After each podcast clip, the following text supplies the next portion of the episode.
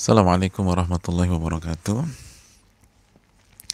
Alhamdulillah hamdan kathiran tayyiban mubarakan fi kama yuhibbu rabbuna wa radha wa salatu wa salamu ala nabina Muhammad wa ala alihi wa sahbihi wa man sara ala nahjihi bi ihsanin ila yumidin wa ba'd. Hadirin Allah muliakan, tidak ada kata yang pantas untuk kita ucapkan kecuali bersyukur kepada Allah Subhanahu wa taala atas segala nikmat dan karunia Allah berikan kepada kita sebagaimana salawat dan salam semoga senantiasa tercurahkan kepada Rasulullah Sallallahu Alaihi Wasallam beserta para keluarga, para sahabat dan orang-orang yang istiqomah berjalan di bawah naungan sunnah beliau sampai hari kiamat kelak. Saudaraku yang semoga Allah muliakan, semoga Allah Subhanahu wa taala memberikan keberkahannya kepada kita di bulan Ramadan ini dan semoga Allah Subhanahu wa taala memudahkan langkah kita untuk bisa beribadah kepada Allah, untuk bisa bertakarub kepada Allah dan mendapatkan segala kenikmatan, segala pahala dan segala yang Allah janjikan di bulan yang penuh keberkahan ini. Dan kita tidak akan bisa melakukannya kecuali diberikan taufik oleh Allah Subhanahu wa taala. Sebagaimana salawat dan salam semoga senantiasa tercurahkan kepada Rasulullah Sallallahu Alaihi Wasallam beserta para keluarga, para sahabat dan orang-orang yang istiqomah berjalan di bawah naungan sunnah beliau sampai hari kiamat kelak.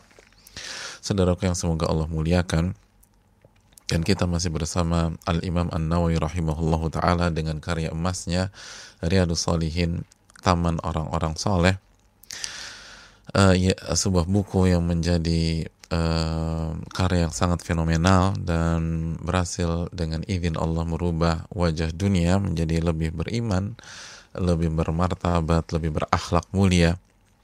Dan ini tentu saja tidak mungkin dilepaskan dari hidayah Allah Subhanahu wa taala lalu keikhlasan dan perjuangan dari Al-Imam Yahya bin Sharaf bin Murri bin Hasan bin Hussein bin Muhammad atau yang biasa dikenal dengan nama Al-Imam An-Nawawi.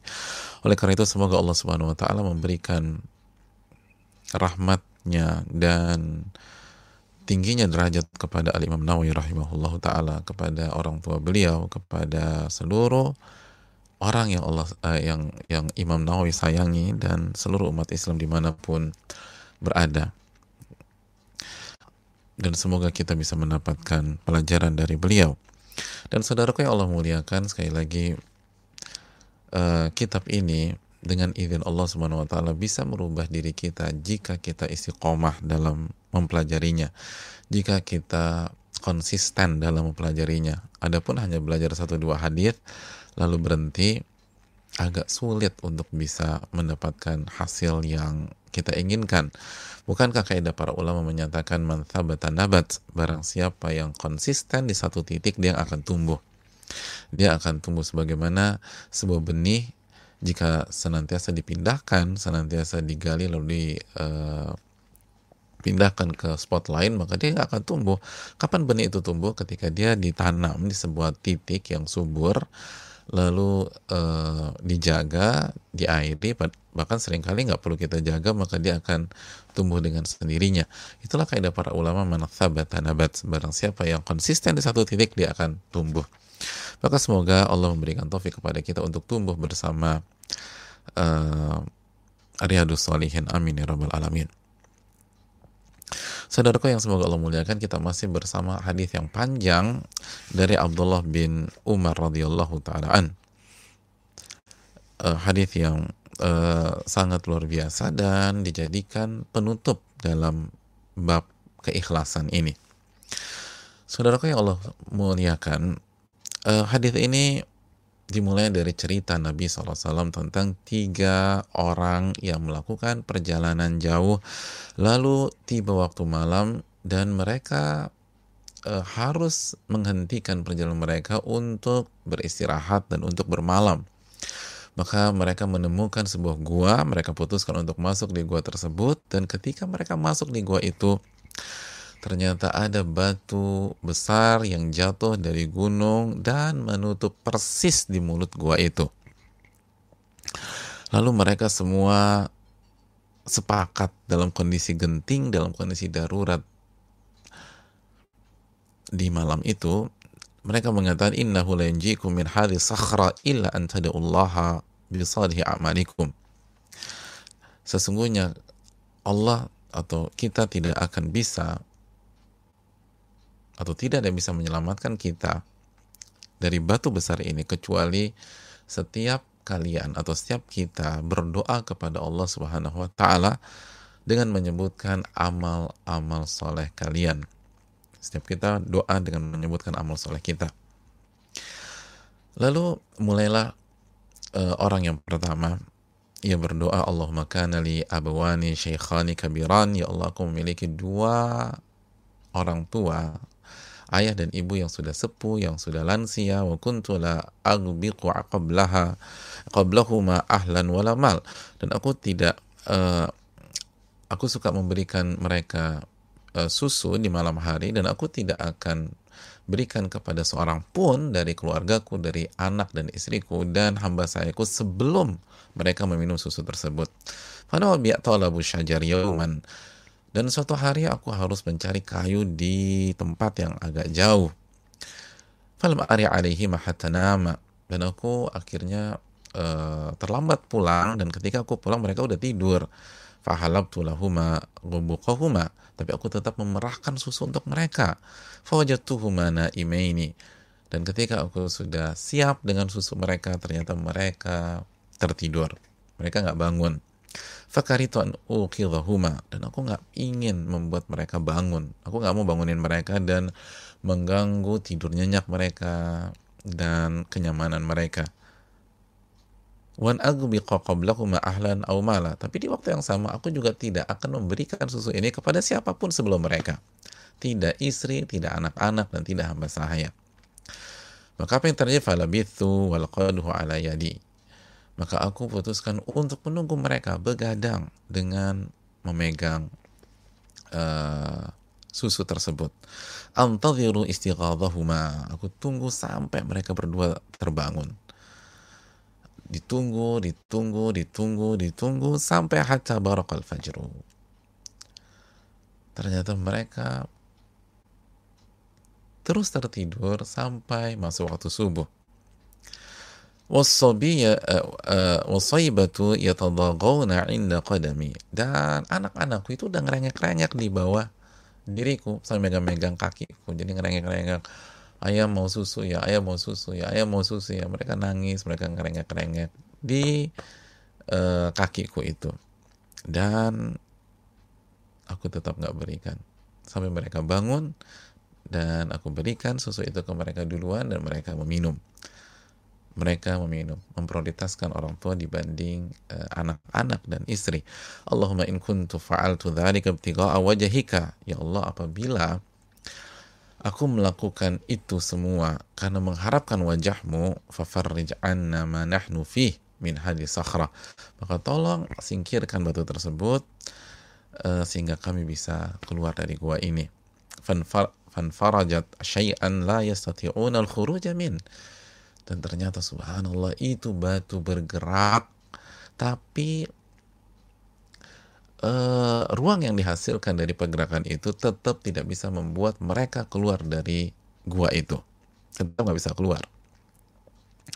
Walaupun sudah bergerak. Maka orang yang kedua pun berdoa. Dan kita akan start dari sini pertemuan kita. Saudaraku yang Allah muliakan qala al-akhar orang yang kedua berdoa Allahumma ya Allah innahu kanat li ibnatu ammi. Ibnatu ammin ya Allah aku memiliki sepupu memiliki sepupu.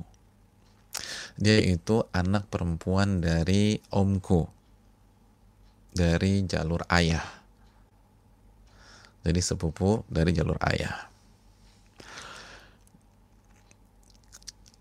Sepupu perempuan.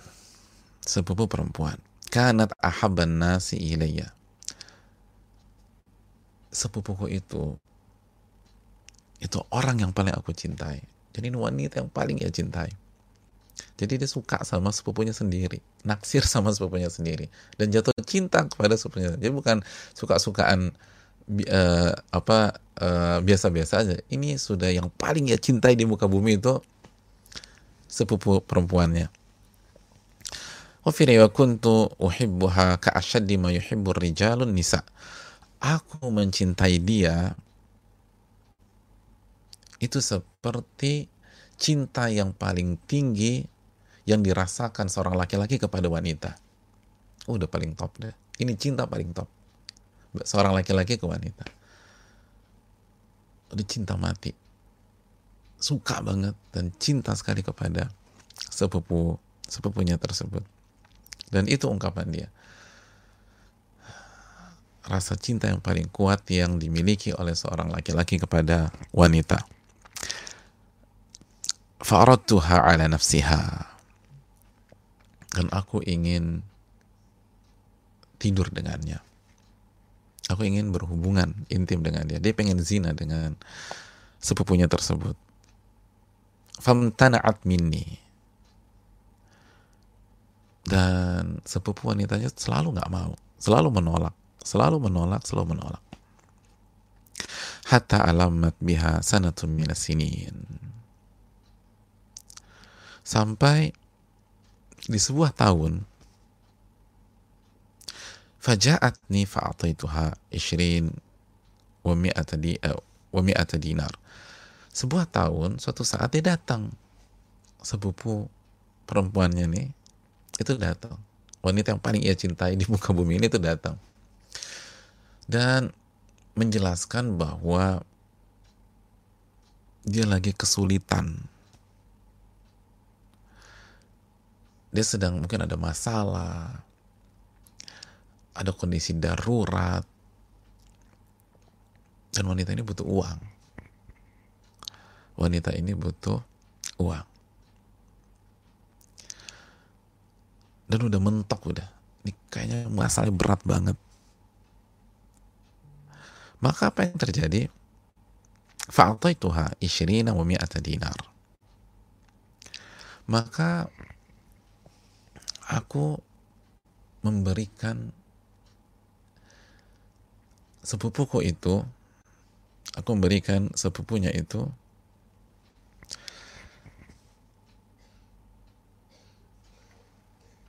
120 dinar. 120 dinar.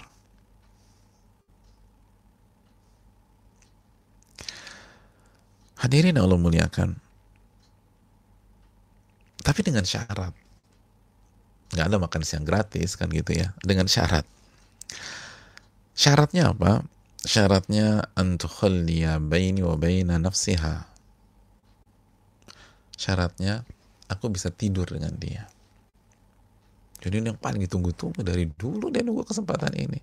Nggak pernah mau, nggak pernah mau, nggak pernah mau. Tiba-tiba ini susah. Butuh duit. Kondisi darurat. Oke, saya akan bantu. Dikasih 120 dinar. Dikasih 120 dinar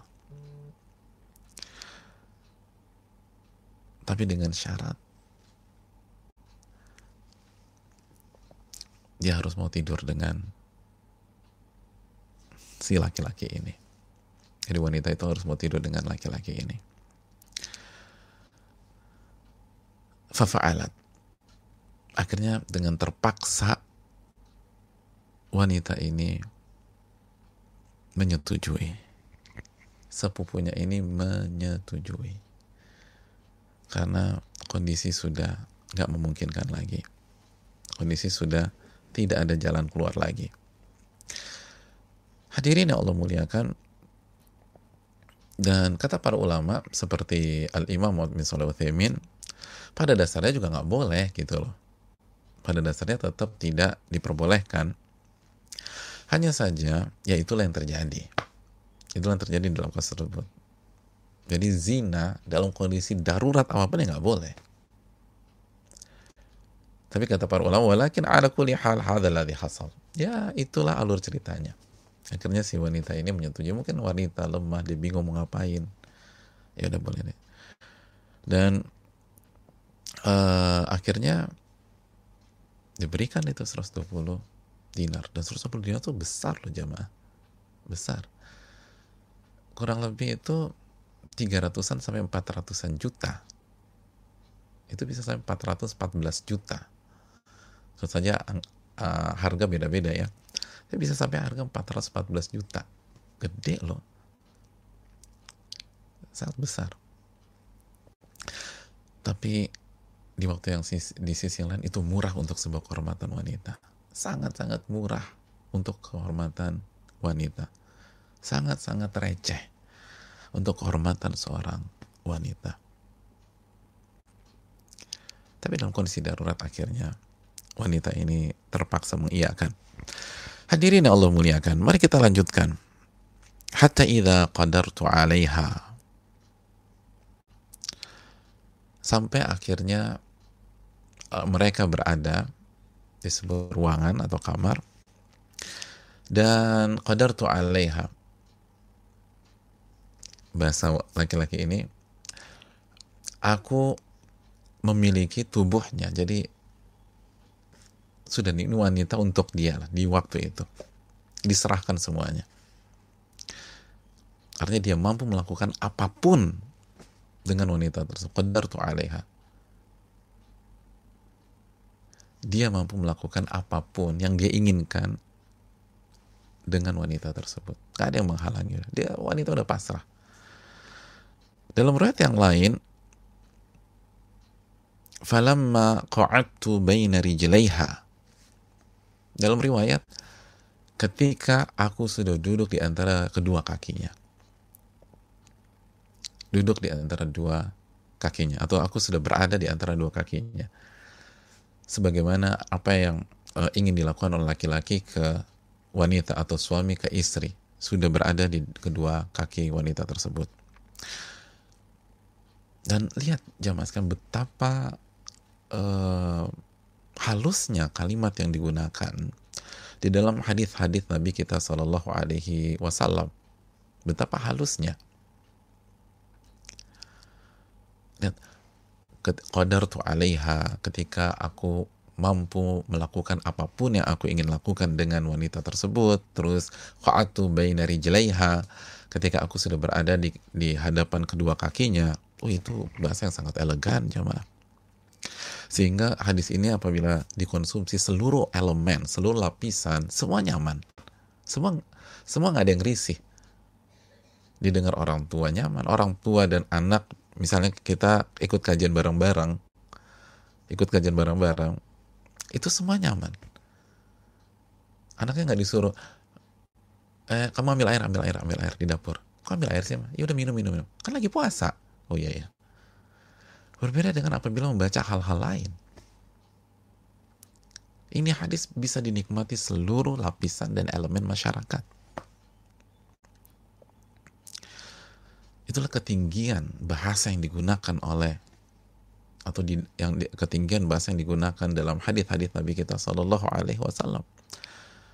Laki-laki ini mampu melakukan apa pun dengan wanita tersebut, lalu uh, sudah berada di kedua kaki wanita itu bahasa-bahasa yang sangat elegan dan ini pelajaran bagi kita untuk menggunakan bahasa-bahasa tersebut khususnya ketika membahas hal-hal yang sensitif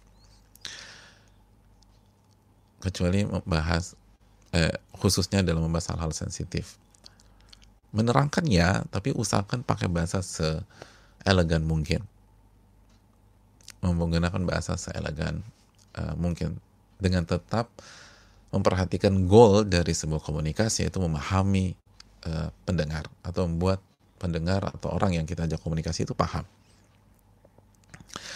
Jadi intinya bahwa laki-laki itu sudah berada di pintu masuk.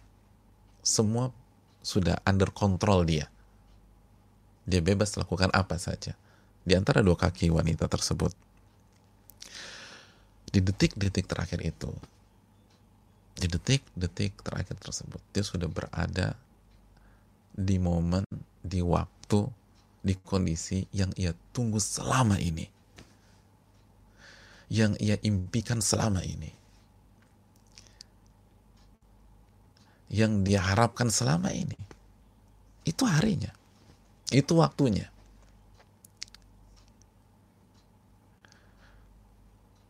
Saudaraku yang Allah muliakan, apa yang terjadi? terjadi perzinaan. Qalat ittaqillah wa la tafuddal khatama illa bihaqqi. Di last minute itu, wanita itu menyatakan ittaqillah. bertakwalah kepada Allah dan jangan engkau masukkan cincin kecuali dengan cara yang halal.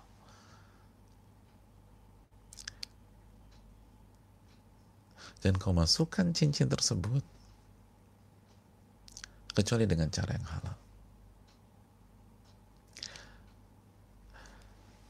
Tafuddo itu bisa artinya memecahkan, bisa artinya e, membuka, bisa artinya menyingkap. Dan lagi-lagi lihat bahasa yang sangat elegan dalam hadis ini. Janganlah engkau masukkan cincin itu. Masukkan cincin kecuali dengan cara yang halal. Kan biasanya cincin dimasukkan oleh jari manis misalnya demikian. Sebuah bahasa yang sangat halus. Janganlah masukkan cincin itu kecuali dengan cara yang yang halal atau dengan dengan konsep yang halal, dengan kondisi yang halal. Sekali lagi ini pelajaran bagi kita bagaimana menyampaikan dengan bahasa-bahasa yang baik, bahasa-bahasa yang elegan. Bukan pakai cara yang rendahan. Enggak, ini diajarkan Nabi kita SAW. Nabi mengatakan, man, man kana yu'minu billahi wal akhir falyaqul khairan aw liyasmut. Barang siapa yang beriman kepada Allah dan hari akhir, hendaknya berkata baik atau dia diam. Atau dia diam. Dan tentu saja ini nggak mudah. Dan kita sebagai manusia yang banyak sekali kekurangan, kekhilafan, suka miss dalam bicara, maka jangan pernah bosan-bosan belajar. Dan kalau ternyata salah bicara, istighfar, tobat, bangkit lagi. Salah bicara lagi, istighfar, tobat, bangkit lagi. Salah bicara, istighfar, tobat, dan bangkit lagi. Dan terus belajar, belajar, belajar, belajar. Sebagaimana ucapan ulama klasik, man kathura kalamuhu kathura khata'u, barang siapa yang banyak bicara, maka salahnya juga banyak. Tapi hadis ini memberikan kita pembelajaran. Kita harus belajar bicara. Kita harus belajar bicara. Lihat bahasa-bahasa yang sangat indah. Khususnya sekali lagi ketika menceritakan hal-hal yang sensitif. Gunakan bahasa yang elegan. Hadirin yang Allah muliakan,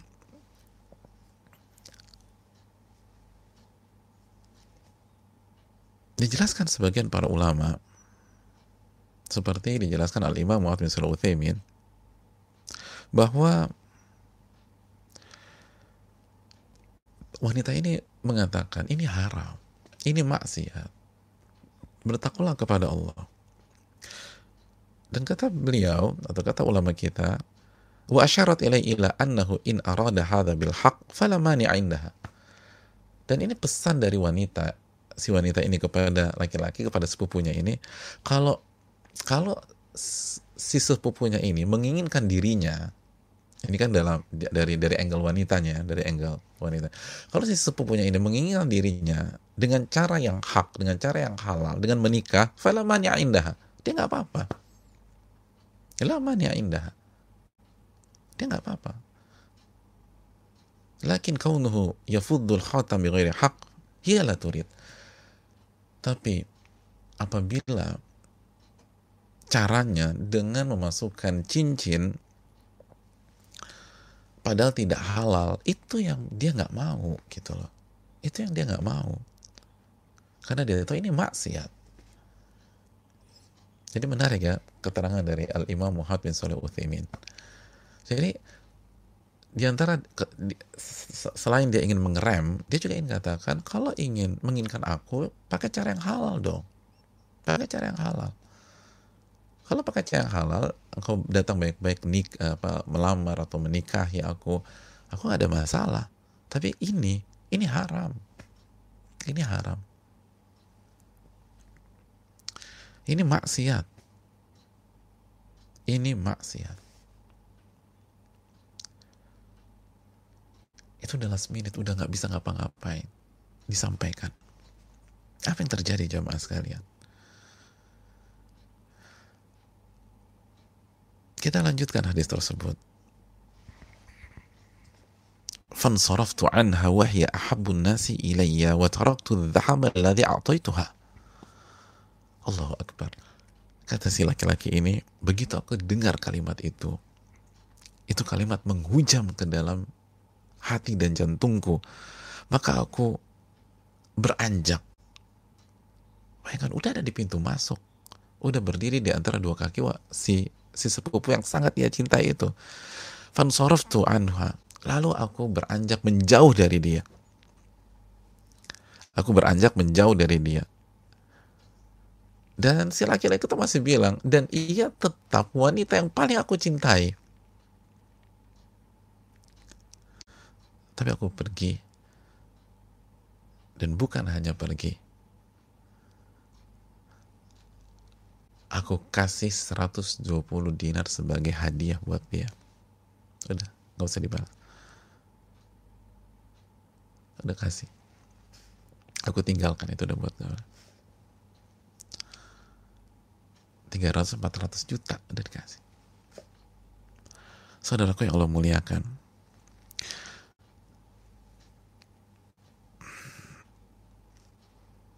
Tokoh utamanya tetap si laki-laki ini tapi sekali lagi sedikit kita berbicara dari angle si wanita. Dari angle si wanita. Lihat bagaimana si wanita ini berusaha menjaga dirinya dari hal yang haram. Dan saya mengatakan kalau menginginkan diriku nikahi aja. Aku gak ada masalah. Tapi jangan dengan cara yang haram. Jangan pakai cara yang haram Terus yang menariknya dia berusaha untuk menjaga diri dari cara yang haram sampai di kondisi paling akhir. Di detik-detik. Ittaqillah. Bertakwalah kepada Allah. Wala khatam illa bihaqi. Dan Allah ijabah. Sebagian ulama mengaitkan dengan firman Allah Subhanahu wa taala dalam surat An-Naml ayat 62 amman yujibul mutarra idza da'ah wa yakshifus su' amman yujibul mutarra idza da'ah. Dan siapa yang mengabulkan doa orang yang dalam kondisi darurat dalam kondisi genting ketika dia berdoa kecuali Allah Subhanahu wa taala. Dan siapa yang menghilangkan keburukan kecuali Allah Subhanahu wa taala. Oleh karena itu saudaraku yang Allah muliakan dalam kondisi genting Jangan pernah pesimis, minta sama Allah, doa sama Allah. Lihat wanita tersebut, dia sangat nggak mau dirinya kehormatannya diambil dengan cara yang haram. Dia nggak, siapa wanita yang mau ditiduri seperti itu? Nggak ada yang mau. Tapi nggak nggak pasrah, tetap berusaha, berusaha, berusaha. Makanya kata berusahalah, berusahalah Walaupun secara matematika manusia ini mustahil. Secara matematika manusia, kalimat ini tuh nggak ada gunanya. Secara teori, oh dia ngincar kok. Anda bicara itu di hadapan laki-laki yang benar sudah dimabuk asmara, udah cinta banget sama itu wanita, dan dia nunggu momen itu bertahun-tahun, nggak pernah berhasil nggak pernah berhasil nggak pernah berhasil. Tapi sekarang dia berhasil terus dia sudah keluarkan uang yang sangat besar. Dalam kondisi normal aja dia sangat ingin tidur dengan wanita tersebut. Apalagi ini udah tinggal berdua aja dan semua udah di, bisa dikendalikan. Dan dia sudah berada di antara dua kaki wanita tersebut. Kalau para analis ditanya aduh berat ya udah udah udah, udah tapi enggak tetap berusaha. Ternyata Allah buka pintu hati laki-laki terus di saat itu. Allah buka pintu hati laki-laki tersebut di saat itu.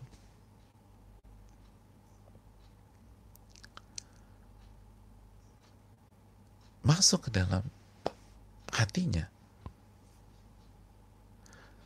Masuk ke dalam hatinya Makanya coba dulu, jangan berpikir ah mustahil, ah ini nggak mungkin, ini aduh nggak udah deh saya udah saya udah nyerah aja. Lo jangan, walaupun secara matematika ini nggak mungkin, coba dulu, coba masuk dulu, berusaha dulu, bilang dulu, sampaikan dulu. Coba kalau wanita ini nggak sampaikan ya, kita nggak tahu apa yang terjadi. Kalau wanita udah diem aja deh, udah nangis aja kerja diem, dia biarkan tubuhnya kita nggak tahu apa yang terjadi tapi wanita cepat berusaha tetap bicara bicara bicara Sampaikan, sampaikan, sampaikan. Dan Allah buka pintu hati. Buka pintu hati laki-laki itu. Dan di antara pelajarannya kata para ulama, lihat kalimat yang disampaikan dari lubuk hati akan masuk ke dalam hati. Kata Syekh Uthaymin, kharajat min a'maqi qalbiha dakhalat fi a'maqi qalbihi. Ini kalimat simpel. Tapi ketika dari lubuk hati yang paling dalam, dalam kondisi yang sangat darurat, udah pasrah nggak bisa ngapa-ngapain, disampaikan, ternyata masuk ke dalam hati si laki-laki itu.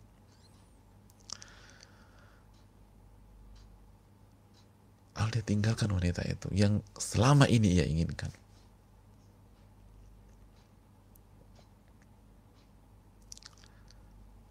Selama ini.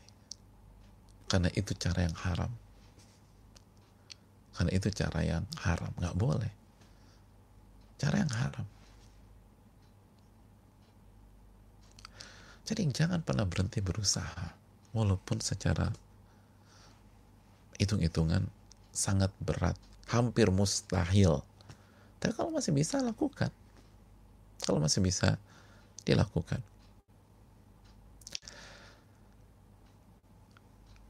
Hadirin yang Allah muliakan.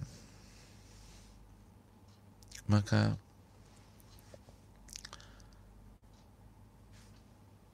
kita kembali lagi ke tokoh utamanya si laki-laki ini. Apa kata dia? dia berdoa Allahumma in kuntu fa'altu dhalika ibtigha'a wajhika fafruj 'anna ma nahnu fi ya Allah apabila aku melakukan hal tersebut semata-mata. Ikhlas mengharapkan wajahmu. Maka selamatkanlah kami dari kondisi ini. Sakhratu annahum la yastati'una al-khuruj minha. Dan Allahu Akbar itu batu bergeser bergerak.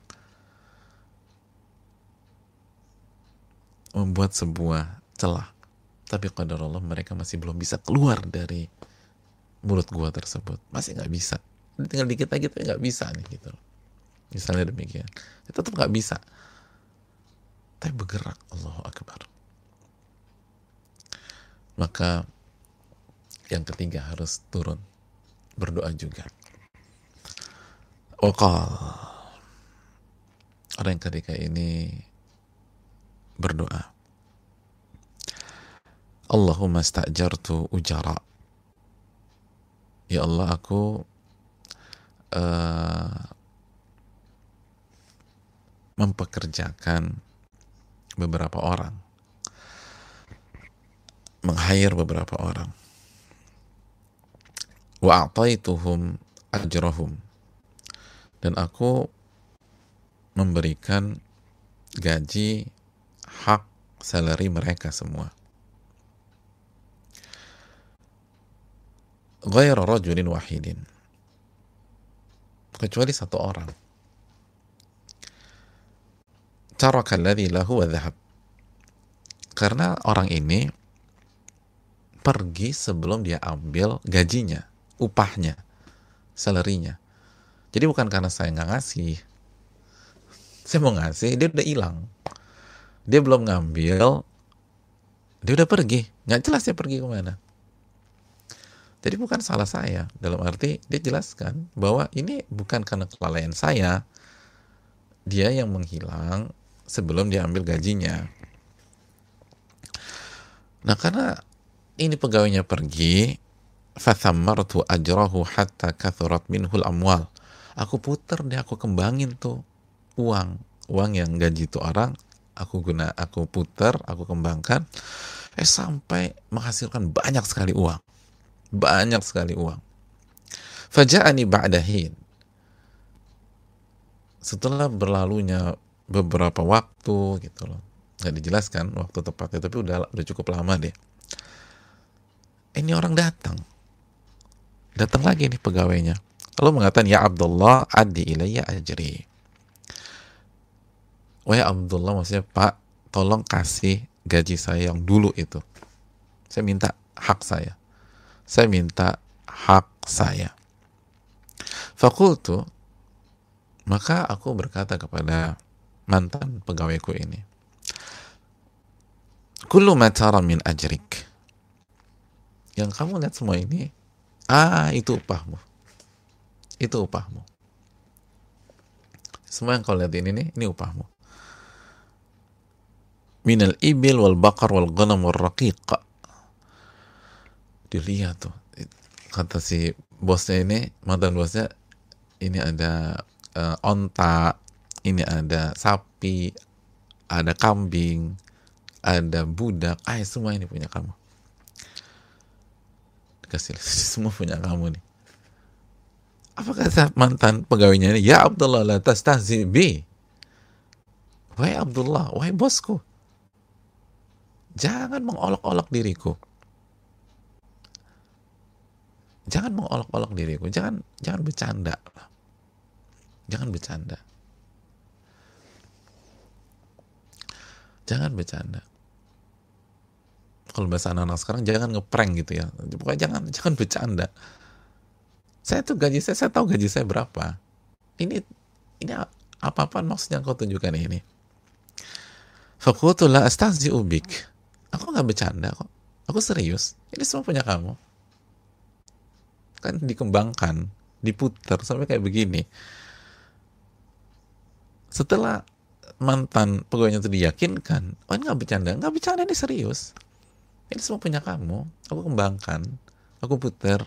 Alhamdulillah, Allah kasih segala macam. Udah ambil aja. Fa'akhadahu kullahu wastaqahu falam yatruk minhu syai'a. Itu sama mantan anak buahnya diambil semuanya. Dan nggak disisihkan sama sekali. Semua diambil. Semua di, diambil. Dan tidak disisakan sama sekali.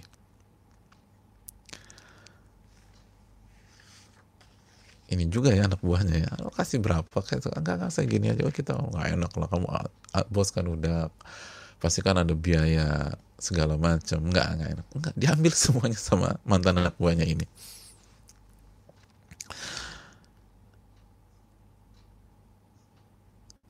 lihat bagaimana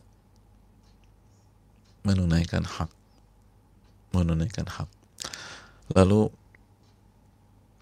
orang ini mengatakan Allahumma ya Allah in kuntu fa'altu dzalika bitiga wajhika fafruj anna ma nahnu fi fanfarajat sakhratu fakharaju yamshun.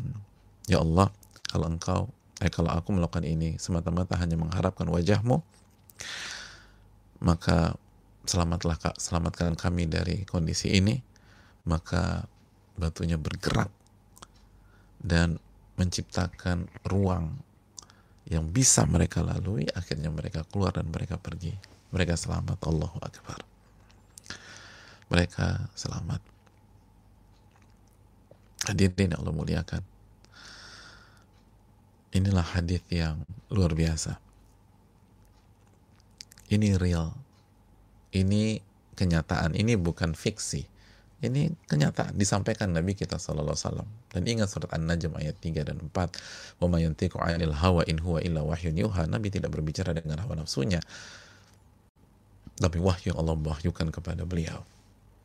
Wahyu yang Allah wahyukan kepada beliau. Dan dari hadis yang panjang ini kita bisa simpulkan yang pertama uh, pentingnya amal soleh, pentingnya amal soleh. Khususnya dalam kondisi lapang jamaah. Khususnya dalam kondisi lapang. Kita lihat tiga tiga uh, kasus ini tiga amal soleh ini semuanya dalam kondisi lapang. Di kondisi lapang. Semuanya di kondisi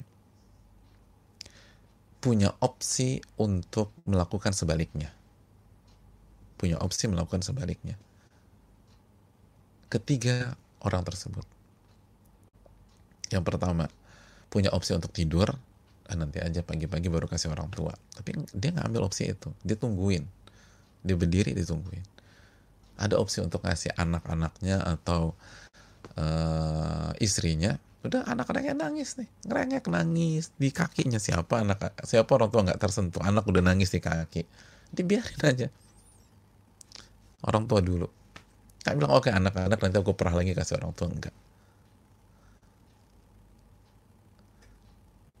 orang tua prioritas dan dia punya opsi lain tapi dia nggak ambil opsi itu yang kedua sebagaimana tadi kita sampaikan dia punya opsi untuk berzina dengan wanita yang begitu ia cintai berzina dan berada di puncak kelapangan untuk melakukan itu di puncak kelapangan ini yang ditunggu-tunggu selama ini. Ini yang dinanti. Dia pengen tidur sama wanita itu. Selama ini nggak berhasil. Lalu sekarang wanita itu nggak berdaya nggak akan berontak nggak akan melawan dan lain sebagainya. Tapi dia tinggalkan. Dia tinggalkan. Dia punya opsi untuk melakukan zina itu tapi dia nggak lakukan. Dan dia ada di puncak kelapangan. Beda dengan orang yang masih nego masih cari segala. Ini ada depan mata tapi dia nggak melakukan tidak melakukan.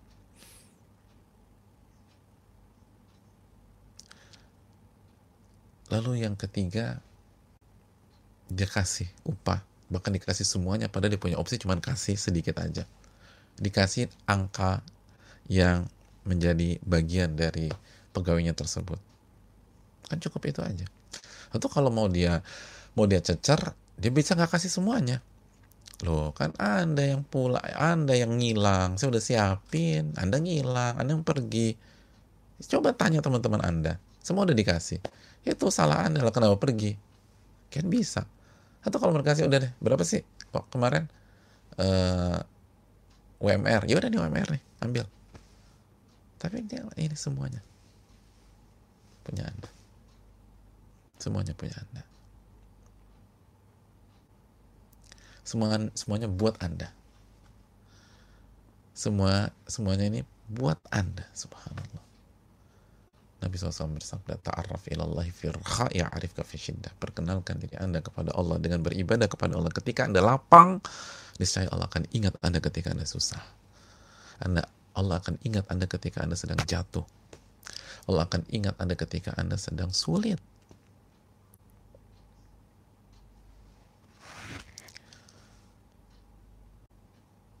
Ketika Anda sedang sulit.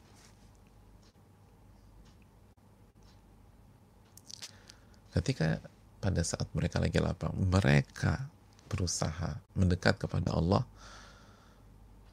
maka begitu mereka lagi genting, ini udah ketutup mati jamaah. Udah ke, ini keperangkap bukan keperangkap di dunia fantasi dan sebagainya. Ini keperangkap mati artinya. Allah bantu mereka. Allah bantu. Allah bantu perkenalkan diri kita kepada Allah pada saat kita lapang dengan beribadah, dengan mendekat, dengan sujud, dengan ruku. Maka Allah akan ingat kita pada saat kita susah, pada saat kita dalam kondisi darurat. Dan jamaah sekalian, sekali lagi, roda kehidupan berputar. Roda kehidupan berputar. Gak, gak selamanya kita ada di atas Gak selamanya kita ada di kondisi lapang. Utilkal ayyamu nas. Dan hari-hari itu kita putar di tengah-tengah manusia. Hari-hari itu kita putar. Dalam surat Ali Imran ayat 140 ya. Dan hari-hari itu kami putar. Maka jangan lupa, jangan lupa diri. Oke, kita bisa lakukan semua maksiat depan kita tapi ada kalanya kita susah banget nanti. Dan kita butuh pertolongan Allah. Ini hal yang perlu kita camkan. Lalu yang berikutnya jamaah sekarang yang Allah muliakan. Uh, sekali lagi, secara khusus kata para ulama ini keutamaan berbakti kepada orang tua, birrul walidain. Berbakti kepada orang tua. Dan ini sudah kita sampaikan di pertemuan yang lalu.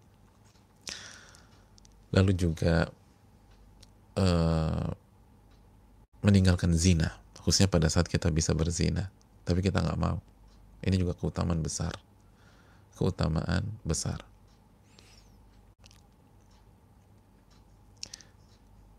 Dan ini akan membuat kita diselamatkan Allah di saat-saat sulit dan di saat-saat sempit. Sebagaimana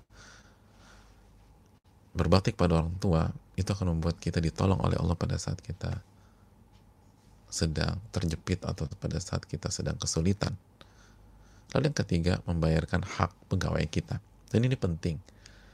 Nabi SAW bersabda dalam hadis yang dikeluarkan oleh Imam Ibnu Majah, "A'tul ajira ajrahu." Berikanlah pegawaimu upah mereka, seleri mereka, gaji mereka qabla an yajifa araquhu. Sebelum keringat mereka kering. Sampai begitu penekanannya. Kasih upah mereka, kasih uh, gaji mereka sebelum sebelum keringat mereka kering. Artinya ini penekanan jangan ditunda-tunda. Orang jangan dipersulit, gitu. apalagi nggak dikasih sama sekali. Artinya kasihnya on time, sesuai dengan perjanjian. Perjanjian itu kasih tuh.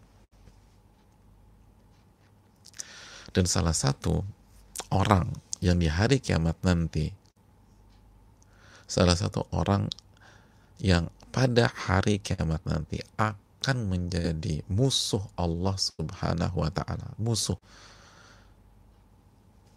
Ana khosmuhum kata, kata Allah Subhanahu wa taala, saya akan jadi musuh mereka. Dalam hadis surat Imam Bukhari. Ini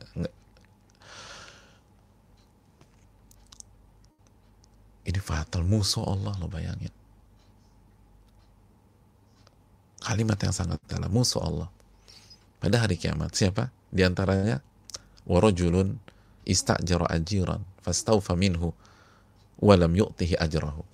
Seseorang yang mempekerjakan pegawai, mempekerjakan staf, mempekerjakan uh, seseorang, lalu pegawainya ini telah menunaikan kewajibannya, telah bekerja untuk dia, walam yu'tihi ajrahu. Tapi dianya tidak kasih gaji pegawainya tersebut, tidak kasih gaji, tidak kasih haknya. Tidak kasih salarinya. Itu jadi musuh Allah subhanahu wa ta'ala. Hadis saya dari Bukhari. Ini menunjukkan khususnya dalam kondisi hari ini jamaah banyak banyak orang nggak dapat gajinya. Banyak orang nggak dapat haknya. Kita sebagai yang punya atau kita sebagai yang bertanggung jawab nggak boleh demikian. Lebih baik korbankan apa yang kita punya biar mereka punya. Biar mereka dapat haknya. Kor korbankan. Jangan sampai kita sia-sia atau jangan sampai kita eh, nggak uh, kasih hak orang. Nggak kasih hak pegawai kita. Nggak kasih hak staff kita nggak kasih hak buruh kita dan seterusnya dan kita kita rugi kita jual aset kita kita jual mobil kita kita jual rumah kita mungkin untuk kasih gaji mereka daripada kita harus bermusuhan dengan Allah pada hari kiamat. Ini berat, bermusuhan dengan Allah. Bermusuhan dengan Allah. Allah nggak bantu kita aja, kita setengah mati, kita sengsara di hari kiamat. Ini bermusuhan dengan Allah. Jangan bermusuhan dengan Allah Subhanahu wa taala. Berikanlah gaji dari orang yang bekerja dengan kita. Hadirin Allah muliakan. Poin yang berikutnya, ada hal yang ingin ditekankan hadis ini memberikan pelajaran kepada kita bahwa orang yang berniat maksiat lalu berusaha melakukan maksiat tersebut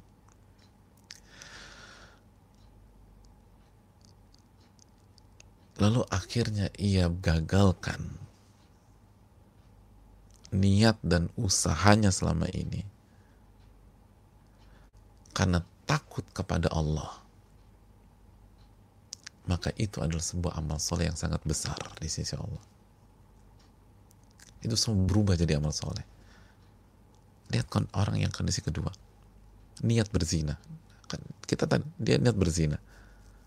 Lalu dia ngajak. Ditolak. Terus yang ketiga dia mengambil kesempatan dalam kesempitan. Orang lagi susah bukannya dibantu malah dijebak gitu loh. Ah ini kesempatan saya ini. Udah saya mau zina sama saya kasih asal saya zina. Terus yang berikutnya mereka udah berkholwat. Berkholwat kan haram. Berdua-duaan. Dan dia sudah kuasai dikontrol dia udah berdiri dia udah berada di antara dua kaki wanita tersebut. Itu kan suasana maksiat jemaah. Walaupun belum terjadi zina itu sudah suasana maksiat. Tapi dia gagalkan. Dia tinggalkan karena takut kepada Allah. Ittaqillah bertak, uh, ber, bertakwalah kepada Allah. Takutlah kepada Allah. Dan kalimat itu menghujam. Maka ini adalah amal soleh buktinya apa amal soleh kalimat di awal hadis tersebut innahu la yunjikum min hadis sakhara illa an bisalihi a'malikum tidak ada yang bisa menyelamatkan kalian kecuali setiap kalian berdoa kepada Allah dengan menyebutkan amal soleh kalian. Ini amal soleh. Ini semua diceritain, amal soleh semuanya. Semua yang diceritakan ini amal soleh. Amal soleh. Kenapa? Karena takut kepada Allah. Apa bedanya dengan kisah uh, dua orang yang Eh, berhadapan lalu kata Nabi al-qatil wa maqtul finnar yang membunuh dan yang terbunuh masuk neraka jawabannya dalam hadis tersebut sudah kita sampaikan yang terbunuh dia gagal bukan karena takut kepada Allah tapi karena ada faktor lain dia kebunuh duluan dia terbunuh duluan. Padahal dia udah berambisi untuk membunuh orang tersebut. Membunuh sahabatnya. Fa innahu hadisun ala qatli sahibi kata Nabi. Karena dia punya ambisi untuk membunuh saudaranya tapi gagal karena dia keduluan terbunuh. Tapi Adi ini enggak. Dia punya opsi. Dia punya opsi. Dia berada di puncak opsi. Tapi dia tidak ambil opsi berzina tersebut dia tinggalkan. Kenapa? Takut kepada Allah Subhanahu Wa Taala jadi nggak ada kata terlambat. Nggak ada kata terlambat buat kita. Ketika kita udah misal udah ada di sebuah tempat yang maksiat udah haram. Jangan ada yang udah tanggung. Udah udah itu kita kan dibisikkan udah tanggung nih udah ya udah sekalian aja deh. Enggak. Keluar. Takut kepada Allah. Maka itu akan jadi amal soleh kita. Dan akan ngebantu kita pada saat kita susah. Pada saat kita kesulitan. Di dunia maupun di akhirat itu hal yang penting untuk kita camkan. Dan yang berikutnya jamaah sekalian yang bisa kita petik juga dari hadis ini apa yang uh, disampaikan oleh Al Imam As-Subki As-Subki Kabir bahwa lihat tiga lihat kalimat tiga uh, tiga orang tersebut. Dari yang pertama dari yang kedua dan yang ketiga pada saat meminta kepada Allah Subhanahu wa taala uh, mereka ketika meminta, ketika menyebutkan ditutup dengan mengatakan Allahumma in kuntu fa'altu dzalika ibtigha'a wajhik. Ya Allah, jika aku mengerjakan itu mengharapkan wajahmu, maka selamatkanlah kami dari sini. Jadi bukan memastikan. Bahasanya jika aku melakukan itu semua mengharapkan wajahmu maka selamatkanlah aku. Kata Imam As-Subki rahimahullah wa ala syakhsi an ya'taqida taqsirahu fi nafsihi wa yusi adhan biha.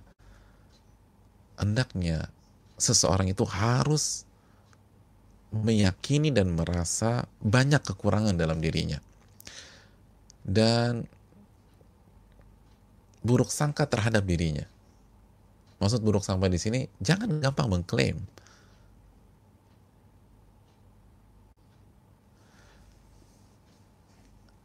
Lalu setelah itu wa yabhathu kullu wahidin min amali ma annahu akhlasa fih.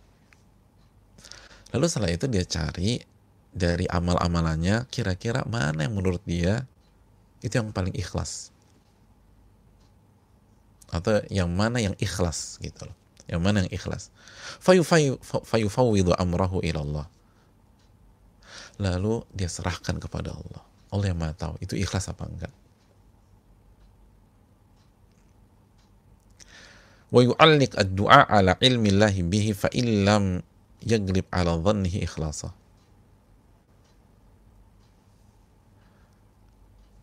dan kita gantungkan dengan kita gantungkan doa kita dengan ilmu Allah Subhanahu wa taala.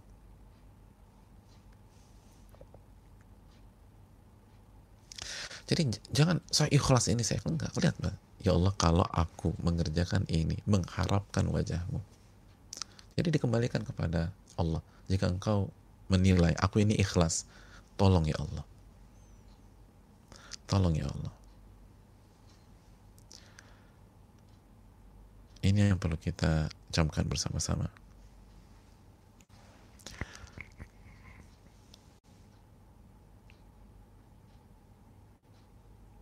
Karena kita tahu bersama ciri-ciri orang ikhlas tidak merasa ikhlas. Kata Imam As-Susi, Man syahida ala ikhlasil ikhlas faqad ihtaja ikhlasil ikhlas. Apa barang siapa yang mengklaim dirinya ikhlas, maka rasanya amalan yang dia klaim ikhlas itu butuh evaluasi kembali. Butuh evaluasi kembali. Karena secara umum, ini bukan kaidah mutlak, tapi secara umum orang yang ikhlas itu nggak mengklaim dirinya ikhlas. Tapi dia serahkan kepada Allah. Kalau Allah tahu, ini ikhlas, tolong ini. Jika Allah menilai ini ikhlas, sekarang. Jadi ini yang bisa kita lakukan ketika kita ingin bertawasul dengan amal soleh kita. Kita sebutkan amalan kita apa, lalu kita tutup dengan mengatakan, Ya Allah, jika engkau menilai yang aku kerjakan ini ikhlas, mencari wajahmu, tolong, baru sebutkan apa yang kita inginkan sebagaimana alur dari uh, hadis ini. Sekali lagi kita kan Allahumma ya Allah baru cerita atau kita buat apa sih mungkin kita bantu orang. Ceritakan gimana kita bantu orang. Atau pada uh, kita sholat gitu ya Allah tadi tadi uh, berapa waktu aku berhasil sholat tahajud lama bacanya panjang khusyuk itu mungkin sholat yang paling masya Allah.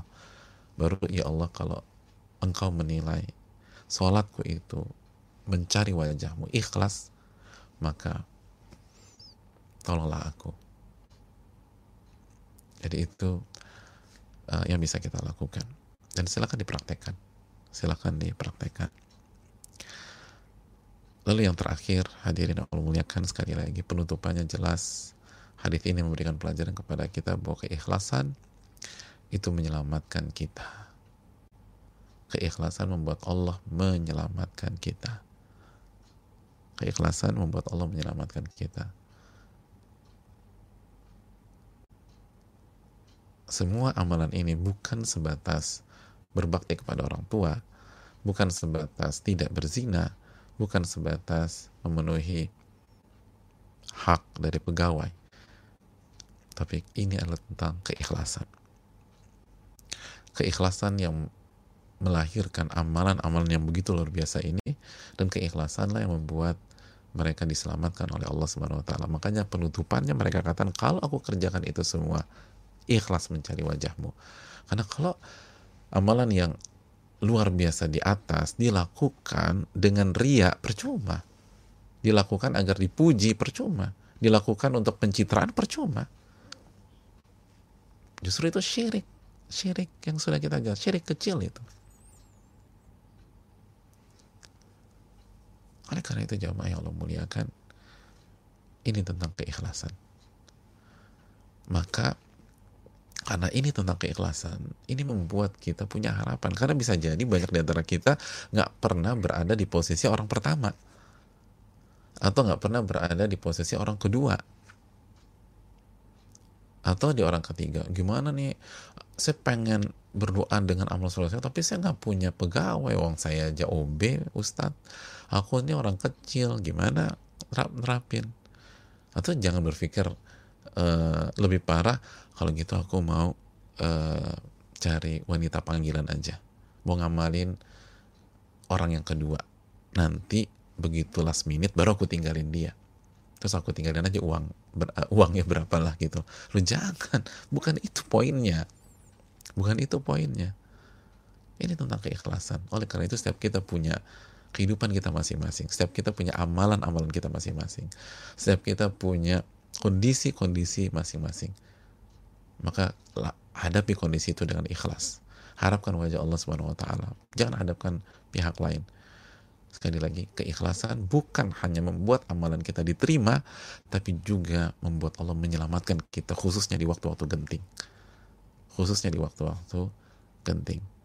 Ini yang bisa disampaikan, semoga bermanfaat. Wassalamualaikum warahmatullahi wabarakatuh. Muhammad uh,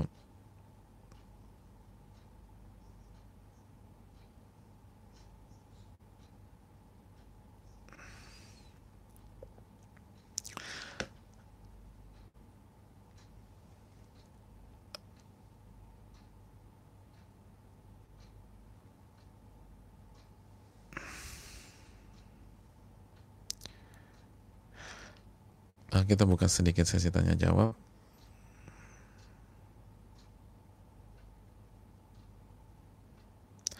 Eh, Bismillah, Ustadz bisa disimpulkan ini untuk bapak-bapak saja ya dalam hal berbakti kepada orang tua secara total dan langsung. Bagaimana cara berbakti untuk ibu-ibu kepada orang tuanya? Eh, bukankah suami yang menjadi tempat berbaktinya yang utama? Barakallahu fiikum barakallah. Hal ini sudah kita jelaskan di pertemuan yang lalu bahwa uh, betul memang suami adalah prioritas utama bagi wanita yang sudah menikah, tetapi eh, kata-kata prioritas utama ketika terjadi ta'arud di dalam ilmu fikih, ketika terjadi uh, kondisi di mana kita harus memilih. Dan kita dan suami kita harus punya komitmen untuk saling mensupport masing-masing dalam berbakti kepada orang tuanya dan suami sekali lagi harus mendukung istrinya untuk berbakti kepada orang tua istri. Dan dia akan dapat pahala berbakti kepada orang tua. Al wasailah akamul maqasid dalam uh, kaidah. Sarana hukumnya seperti hukum tujuan. Ketika tujuannya berbakti maka ketika suami memberikan sarana kepada istrinya untuk berbakti maka dia mendapatkan pahala berbakti. Jadi sekali lagi ini juga bisa diterapkan untuk ibu-ibu atau wanita yang sudah ber, bersuami. Bicara baik-baik dengan pasangan kita bahwa kita saling mendukung satu dengan yang lain dalam berbakti kepada kedua uh, orang tua kita masing-masing. Dan saya tahu ada sosok-sosok yang yang bisa melakukan hal tersebut dan kedua orang tua masing-masing uh, masing-masing pihak jadi uh, kedua orang tua uh, suami atau orang tua i, uh, istri itu benar-benar mendapatkan perhatian yang sama, mendapatkan support yang luar biasa dan akhirnya kondisinya itu sangat-sangat nyaman, sangat-sangat nyaman. Dan mereka bisa berbakti. Jadi sang suami mensupport uh, istrinya berbakti kepada orang tua dan istrinya mensupport suaminya berbakti kepada orang tua suami. Itu yang perlu kita camkan, jamaah sekalian. Itu yang perlu kita renungkan. Jadi uh, jangan jangan berpikir di awal langsung di uh, dibenturkan. Enggak, kita cari win-win, kita cari kerjasama dan kita uh, duduk bersama suami kita dalam rangka berbakti kepada uh, orang tua dari masing-masing pihak. Allah taala bisawab. Assalamualaikum warahmatullahi wabarakatuh. Waalaikumsalam warahmatullahi wabarakatuh. Afan Ustadz mohon doa dan semangat untuk saya mulai ngeluh. Saya seorang ibu, dua orang anak, dan seorang perawat di ruang uh, uh, Pinere di uh, rumah sakit rujukan COVID-19 yang merawat pasien COVID. Sudah tiga bulan saya belum bertemu anak-anak karena saya titipkan kepada ibu dan bapak di kampung. Doakan semoga anak-anak saya yang baru berumur 6 tahun dan 2 tahun menjadi anak-anak soleh dan soleha Ustadz wafaqahumullah uh, likulli khairin walis salah uh, uh, uh, fi dunia wa dukhul jannah fil akhirah amin ya rabbal alamin anak-anak yang ahli mendoakan orang tuanya. Insya Allah mereka ridho dengan kondisi ibunya yang harus bekerja seperti sekarang. Bukan maksud hati mengabaikan mereka. Semoga orang tua saya juga ridho. Insya Allah janahnya adalah hadiah terbaik untuk kemurahan hati orang tua saya. Amin ya rabbal alamin. Mohon doanya Ustadz. Wafakakumullah. Barakallahu fiqh, fiki barakallahu, jazakallah khairan wa iyak. Uh, hadirin Allah muliakan, Allah berfirman di dalam ayat terakhir dalam surat Ali Imran ya ayyuhalladzina amanu sabiru wasabiru warabitu wattaqullaha la'allakum tuflihun. Wahai orang-orang beriman sabarlah.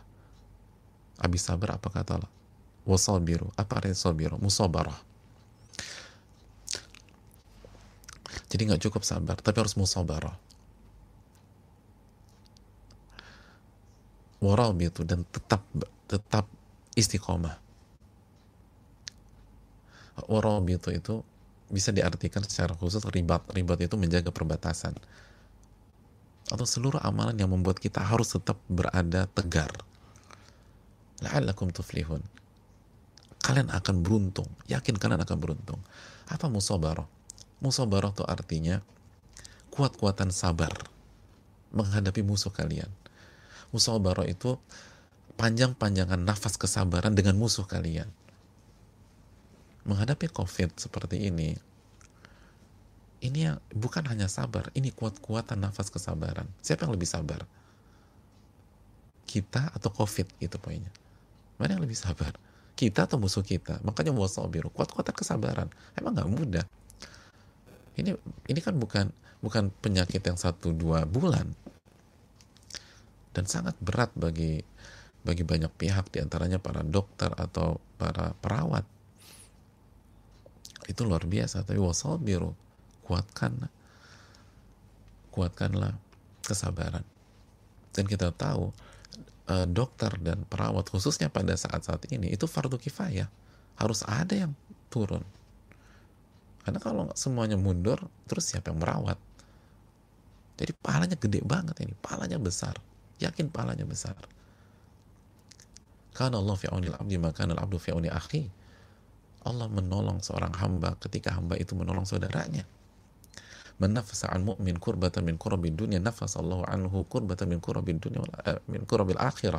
Barang siapa menghilangkan kesulitan seorang muslim di dunia, Allah akan hilangkan kesulitannya di akhirat. Allah akan hilangkan kesulitan kita di dunia dan di akhirat. Dan insya Allah ini cuman dari satu sisi, di samping nikmat-nikmat Allah yang sangat besar, ini cuma sebentar, biarlah. Dan kita harus optimis, ini insya Allah cuma sebentar. Yu'jibunil fa'lu. Allah tuh, Nabi itu suka dengan optimisme. Jadi banyak berdoa. Kalau udah ngeluh gini, perbanyak berdoa kepada Allah Subhanahu Wa Taala perbanyak sholat idha hazamul amru sholat Nabi itu kalau dapat hal yang pelik itu mengerjakan sholat dua rakaat wasta'inu bisabri wassalam minta pertolongan Allah dengan sabar dan dengan sholat surat Al-Baqarah 45 insya Allah uh, Allah akan tolong uh, penanya dan kita semua amin ya rabbal alamin. Saya rasa cukup sampai di sini. Terima kasih banyak. Jazakallahu khairan. Wassalamualaikum warahmatullahi wabarakatuh.